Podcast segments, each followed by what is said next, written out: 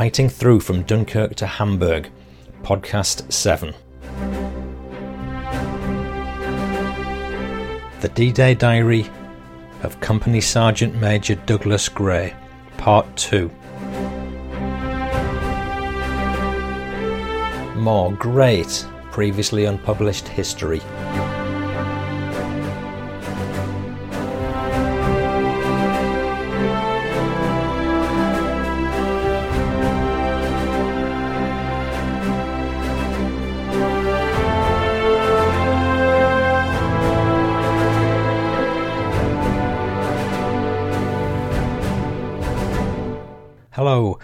I'm Paul Cheall, son of Bill Cheall, whose World War II memoirs have been published by Pen and Sword in Fighting Through from Dunkirk to Hamburg. This episode, I'm presenting part two of the excellent Normandy Diary of Company Sergeant Major Douglas Gray, 7th Green Howards. If you haven't heard part one yet, I would recommend you listen to that first. You might also like to visit the show notes for the podcast at fightingthroughpodcast.co.uk. Loads of pics and other interesting background information.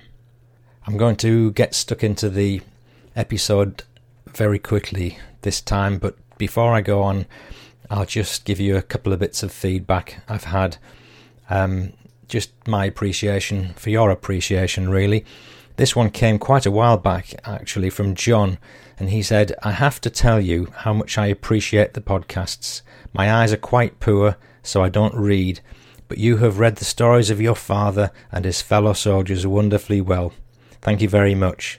My father was in the war as well, American, and I wish I had recounts of the events of that day from his eyes and ears. Well done. And here's another one from Andy. I wanted to let you know just how much I've enjoyed listening to your excellent podcasts. The stuff about your dad and his comrades and contemporaries has really made me think of how I would have coped being put in the life and death situations he went through. You've helped me to realise just what a huge debt of gratitude we all owe to your dad's generation. Just ordinary people doing extraordinary things in extraordinary times. Well, thank you to both you gents. Um, I do appreciate getting feedback, not because it sort of bolsters my ego, but um, I hope it uh, feeds into the search engine results and it encourages other people to discover the podcasts and get the same enjoyment as you do out of them. So, uh, once again, thank you very much, and uh, on with the podcast. So, part one of the diary ended with the action on 2nd of August 1944, which led to Sergeant Gray winning the military medal. His battalion, the 7th Green Howards, had landed on Gold Beach on D Day on 6th of June and advanced some distance into the French countryside with a great deal of fighting. I'll just remind you of the action on that last day of the previous podcast episode. 7th of August 44. Hello, an attack coming off. Moved out 1400 hours and led the column to the start point. We're attacking high feature of Amayé-sur-Seulles, about 5 kilometres away. Our carriers are to advance with tanks and fire everything we have in support while the boys come up with a main attack. Phew, what a to do!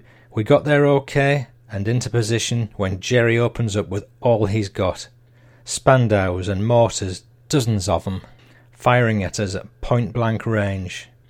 Bill gets it, a bullet in his shoulder and out of his back. Joe Garbett did a marvellous show getting him out under very heavy fire on his motorbike. D Company arrived, and we're pinned down for quite a time, but we finally won through with a final bag of 117 prisoners, including six officers and quite a number of Spandaus and mortars captured.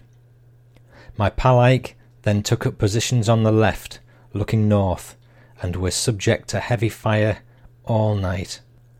3rd of August 1944. My section moved over to A Company and took up positions with their forward platoon, and again spent another uncomfortable day. Pinckney relieves us at night, and we pull back about 400 yards for a rest, under the bloody self propelled guns. 4th of August. Very noisy night, but I think that he's pulled back a bit this morning. One or two prisoners rolled in last night, including a Jerry warrant officer who was looking for his brother, who was killed aged 16. Another move to within a mile and a half from Villers Bocage, but no opposition. It appears that the troops on our left have advanced in front of us and cut us out of it now. Good show. So we're sitting tight now. But for how long? Listeners, um, this is a bit of an anticlimax because the Green Howards have effectively moved to Villers Bocage to find it already occupied by another British force. But at least another objective has been taken now. 5th of August, Saturday. A chance to get cleaned up a bit. Went to Villers Bocage on a motorcycle and had a look round. What a bloody mess after the bombers had been in there on 30th of June. Put Garbutt in for the DCM, and he certainly deserved it. 6th of August. Very dull morning, still resting. General Horrocks came and spouted to us this afternoon, and to put his words in a nutshell, he said, Good show, 50 Division.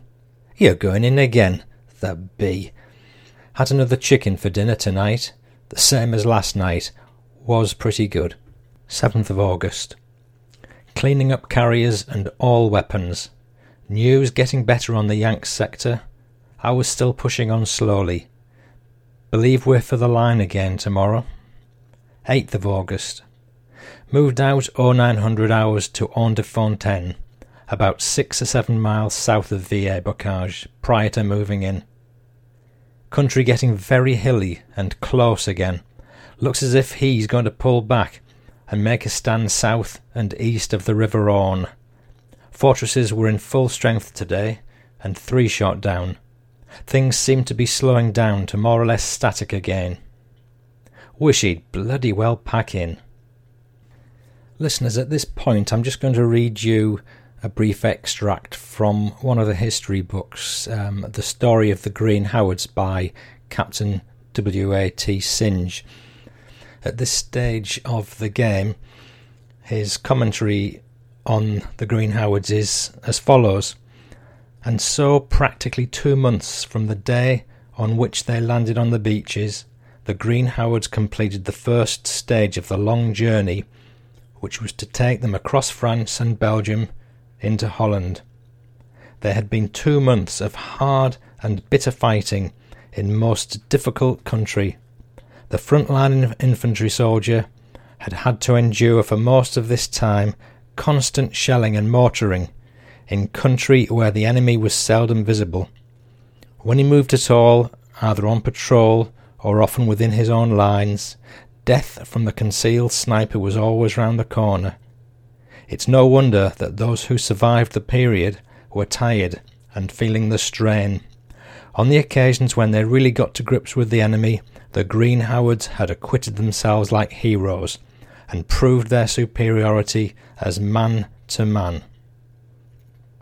Well, listeners, I think that's a, a very deserving tribute to all the Green Howards, and um, we can see exactly what was expressed as a sentiment in that piece of writing, in exactly what Sergeant Gray and his comrades had to go through. And we'll now find that there's just more of it starting 9th of August 1944, Wednesday. The 43rd Division took Mount Pinçon, and we move into assembly area just in rear, prior to division attack. 151 Brigade go in first and reach objective. Plenty of prisoners, but casualties very heavy. Some of the nastiest sights I've seen yet. We reach the start line okay and start to move forward. Christ, but it's absolute hell. They're bringing them out by the carrier loads. Prisoners coming in, but they should shoot the bastards. Just pulled up hedge side when, wham! Direct hit on Redshaw's carrier, and the whole bloody lot goes up in flames. Absolute suicide. Three wounded and two bomb happy. Went back and recovered a motorbike that had been left, and bloody nearly stopped one, but nabbed a Jerry up with a wireless on his back. Pulled across other side of the road, but no better. Battalion getting hammered to hell. Casualties 106 so far. 34 left in A Company and C Company missing. Shelling getting worse, but we still go on. Everybody absolutely done for. Us and what's left of the battalion dig in and try and stop him. Jerry tanks sniping the lads with solid shots. Death everywhere, and what a smell. Poor devils lying all over the place, with arms and legs blown off. But we get them in, though it was suicide to try it. Worst action we've ever been in. What a night from shelling, more casualties. But hell, we're to move forward again and take up positions 400 yards up.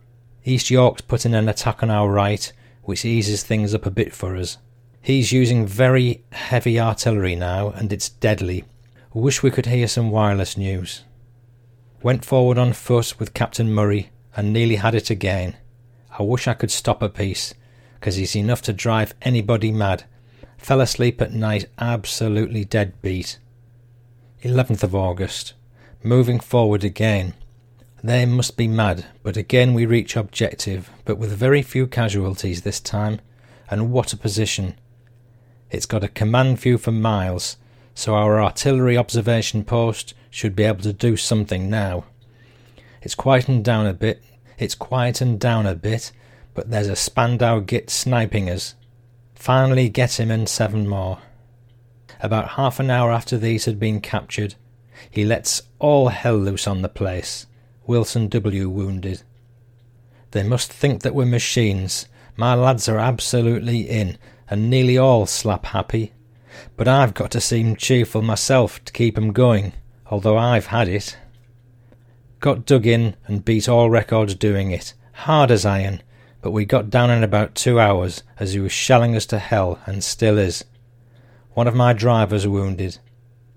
Hope somebody takes over in the morning, or else I won't be able to hold my blokes. They'll be off. They've had it. Sent Pidge back bomb happy. 12th of August, Saturday. Shelled us to buggery last night. Corporal Ludham and Tinsley hit.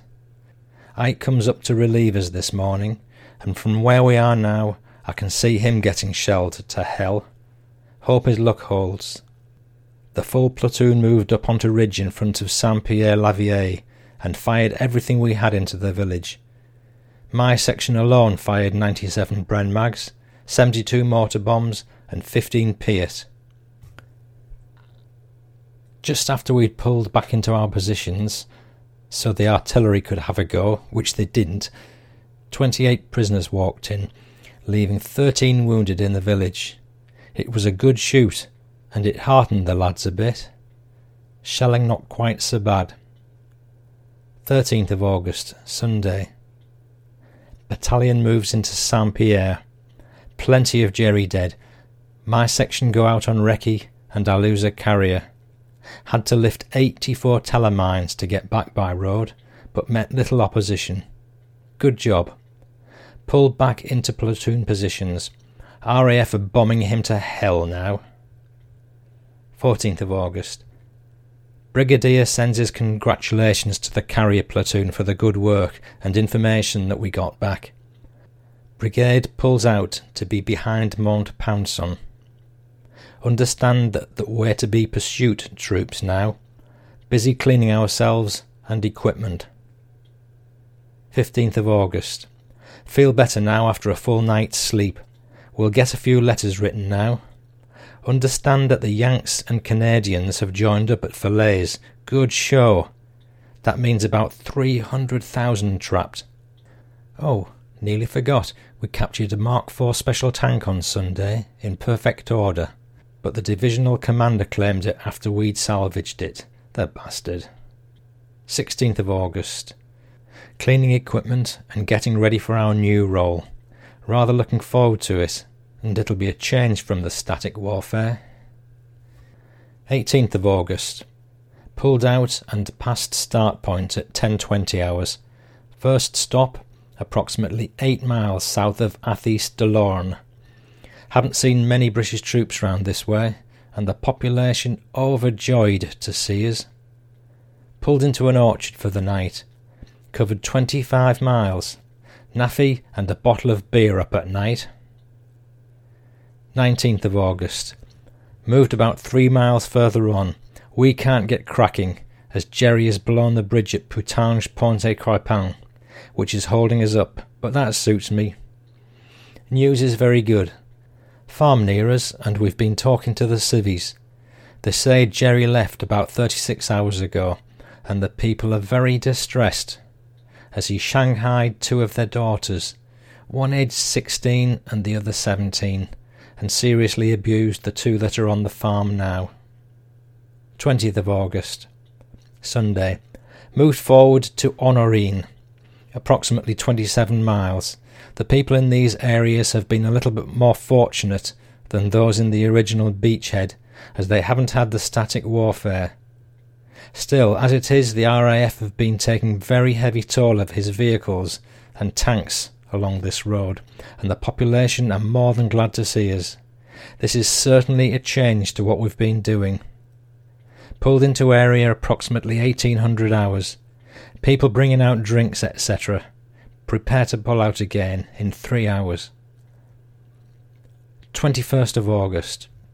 What a hell of a drive! Started to rain just as we pulled out, and as black as hell. Couldn't see a damn thing, and had 17 miles to do. Luftwaffe dropped flares and started bombing, but the flares helped us a lot. Thousands of vehicles on the road. Fires going all around in the area of the pocket, and although it was dark, you could see the dark shapes of knocked out vehicles all along the route. Passed through Putanges, bridges had been blown, but barely bridge erected. Pulled into dispersal area about 0130 this morning, soaked and tired, but slept all night on a gas cape. 22nd of August. Rained like hell all day. Smashed up an old jerry wagon and got a bit of a fire going to try and dry things out a bit. 23rd of August.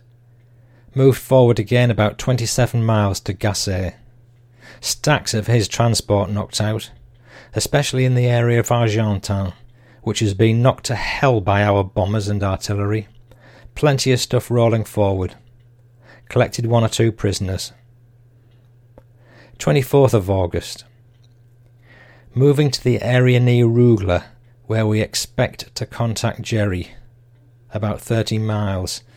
On arrival, carriers immediately went out on recce patrol, which proved very successful. I met up with about a dozen Maquis, French resistance, and attached them to my section, making quite a formidable force. First British troops in the area, and the people absolutely loaded us with flowers, wine, eggs, and kisses. Gosh, it was great. Went swanning around the woods and lanes, and collared a Jerry paratrooper who was forcing an old man with his rifle to take him in his cart, and my chief Maquis knocked ten bells out of him. Smashed my elbow, but not much. We picked up two Russian political prisoners, and they were in a terrible state, but we soon filled them up with bully. Fired on two more Jerrys, but they got away. Brought my Maquis back to camp and gave them a right royal feed. 25th of August pouring with rain. Stayed in the area of Rugles for maintenance. Went out in the afternoon in a carrier to Le Bois, which we visited yesterday, and sat drinking champagne cider with a farmer. Good people, these. My arm's very sore this afternoon.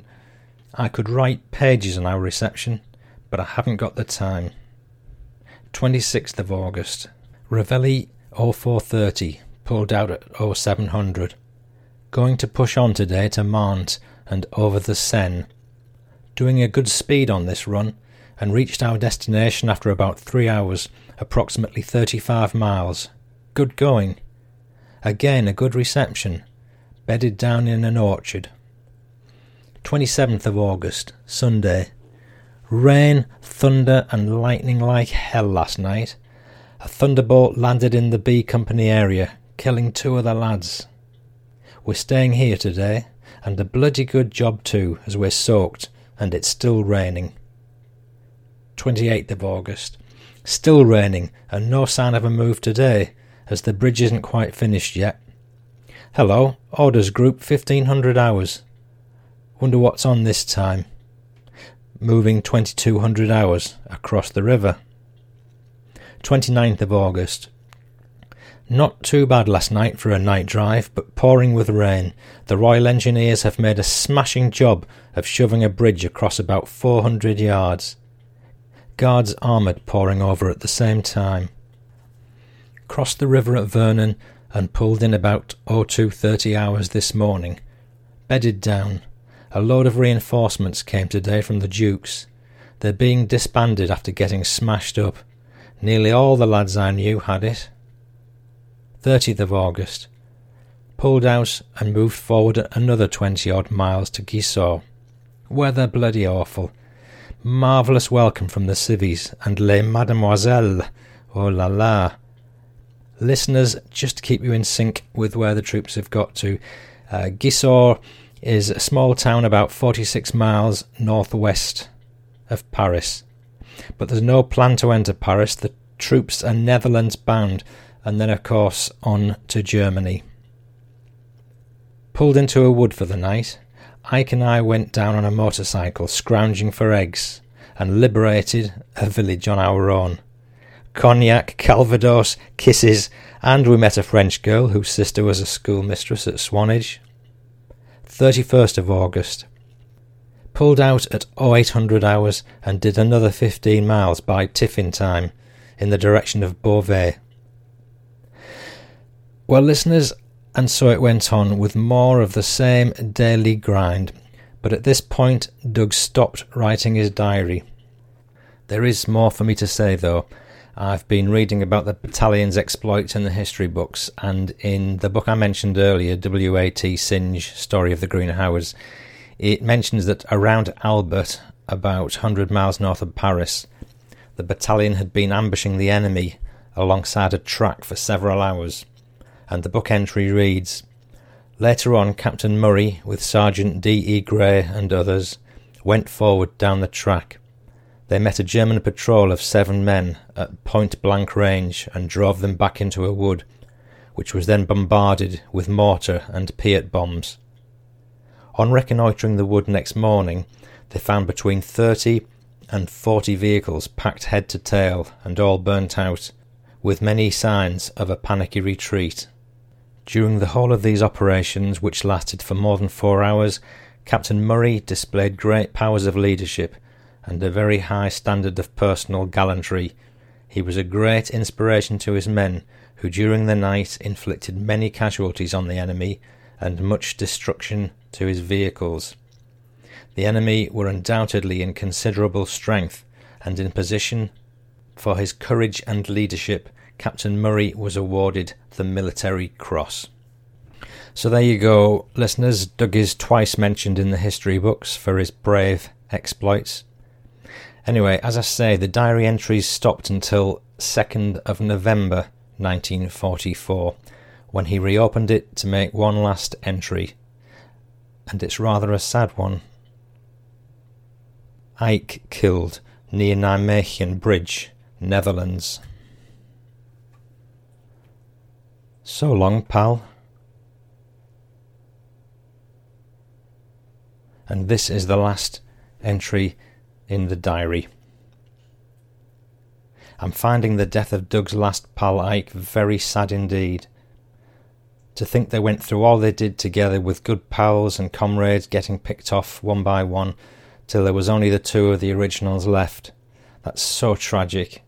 It's even worse when you contemplate that the Green Howards were actually withdrawn from battle at Nijmegen. And that's how the Green Howards War ended. But before I tell you more about that, I just want to read an extract from the Synge book. Um, It's about how the 7th Battalion. Well, it's how Ike was killed, basically.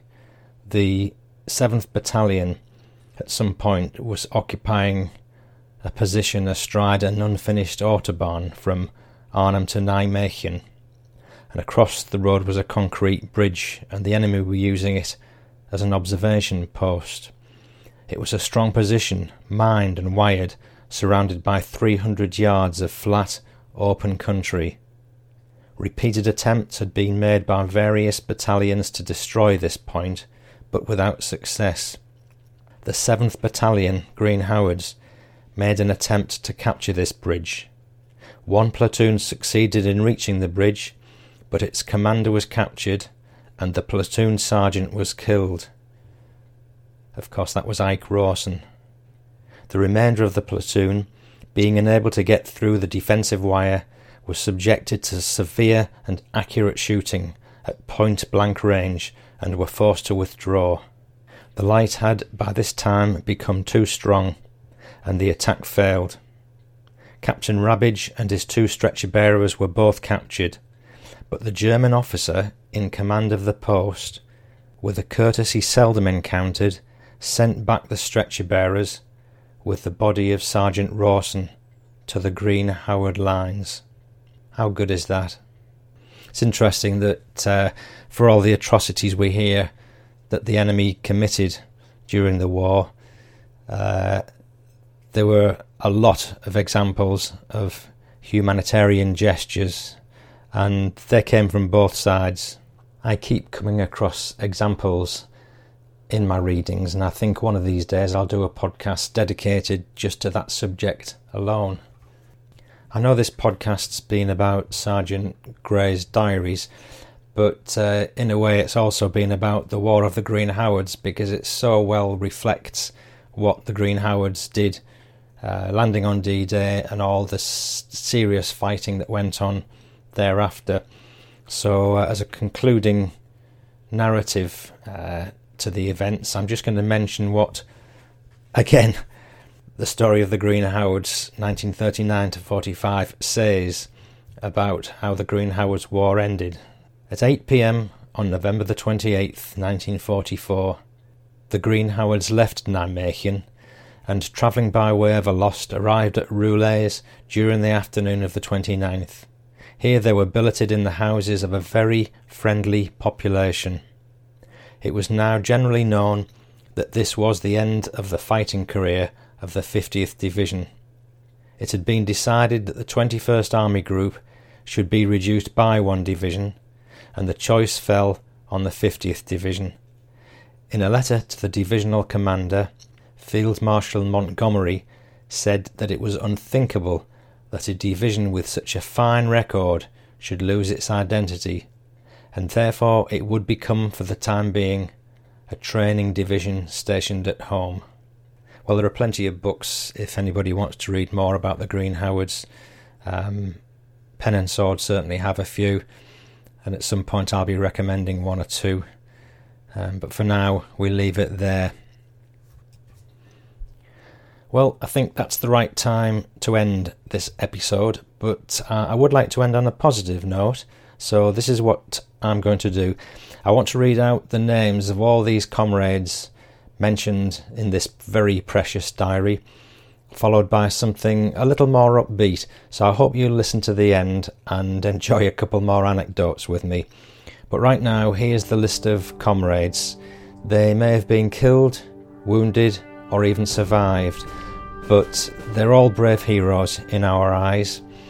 Unfortunately, we don't know every detail of their names and ranks, but nonetheless, let's call this a minute's silence in their honour. Here goes.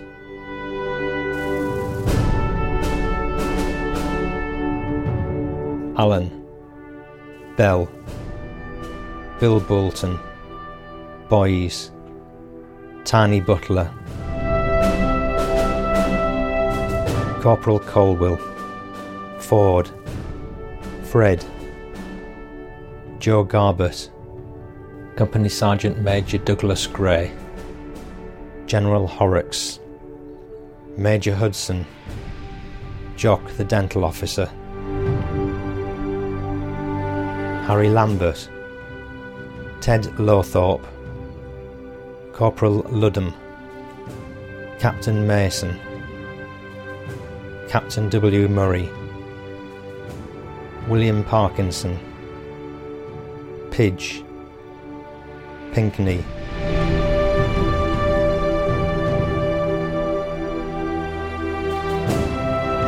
Sergeant Isaac Rawson, Redshaw, Fred Senior, Smurfield, Dick Staveley, Johnny Stoneman, Tinsley, Oscar Topham, Noel Walker, Don Walkington, War, Whittam, Williamson, Dr. W. Wilson, Alfie Wright.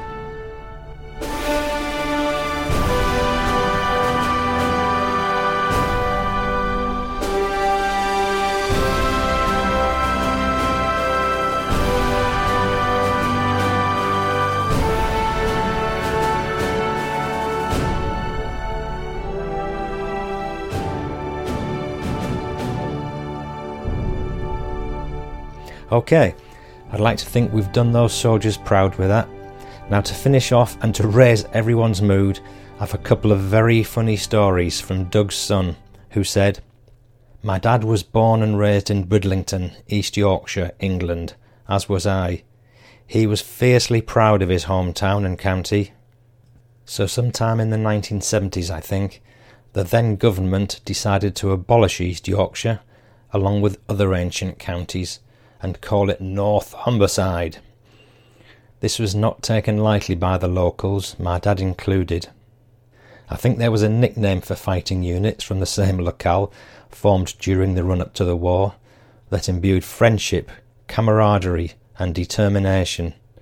Afraid I can't bring it to mind at the moment, but it bode ill for the postal services. They were the first to write to Dad at his new address. We're pleased to tell you, they wrote, that your new address is bloody blah Bridlington, North Humberside. I saw him take a look at the letter, tear it in half, and throw it to one side with the expletive, It effing well isn't. This was the first, perhaps the only time, I can remember him swearing.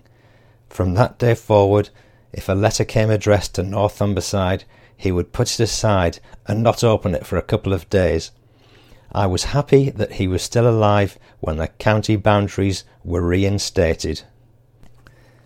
Well, Doug, thank you so much for sharing that with us. Absolute classic. And here's another one from you. My sister's nine year old grandson, Jack, took part in a school assembly to commemorate Remembrance Day. She told me Jack's assembly was lovely.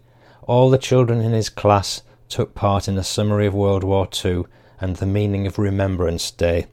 They all had lines to say.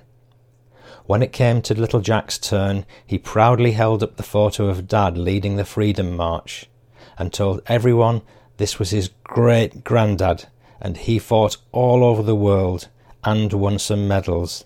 He was beaming from ear to ear throughout. Dad would have been so chuffed to bits with him.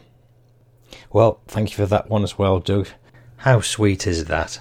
By the way, listeners, if you're wondering what the Freedom March was, you'll see a photograph of Doug leading the Freedom March in 1947 on the uh, fightingthroughpodcast.co.uk website. Go and look at the show notes. Right, um, next episodes. Incredibly, while all that shelling was going on, Doug also found time to write some amazing D Day poetry to which I'm dedicating a third episode all to itself. It's uh, only a short one, but I think it deserves its own presentation. Um, I don't normally go for poetry much, personally, but uh, this is honest, soldierly stuff, and it's got a style of its own, um, with no small amount of humour too, so it's hugely entertaining, and I recommend everyone to give it a go.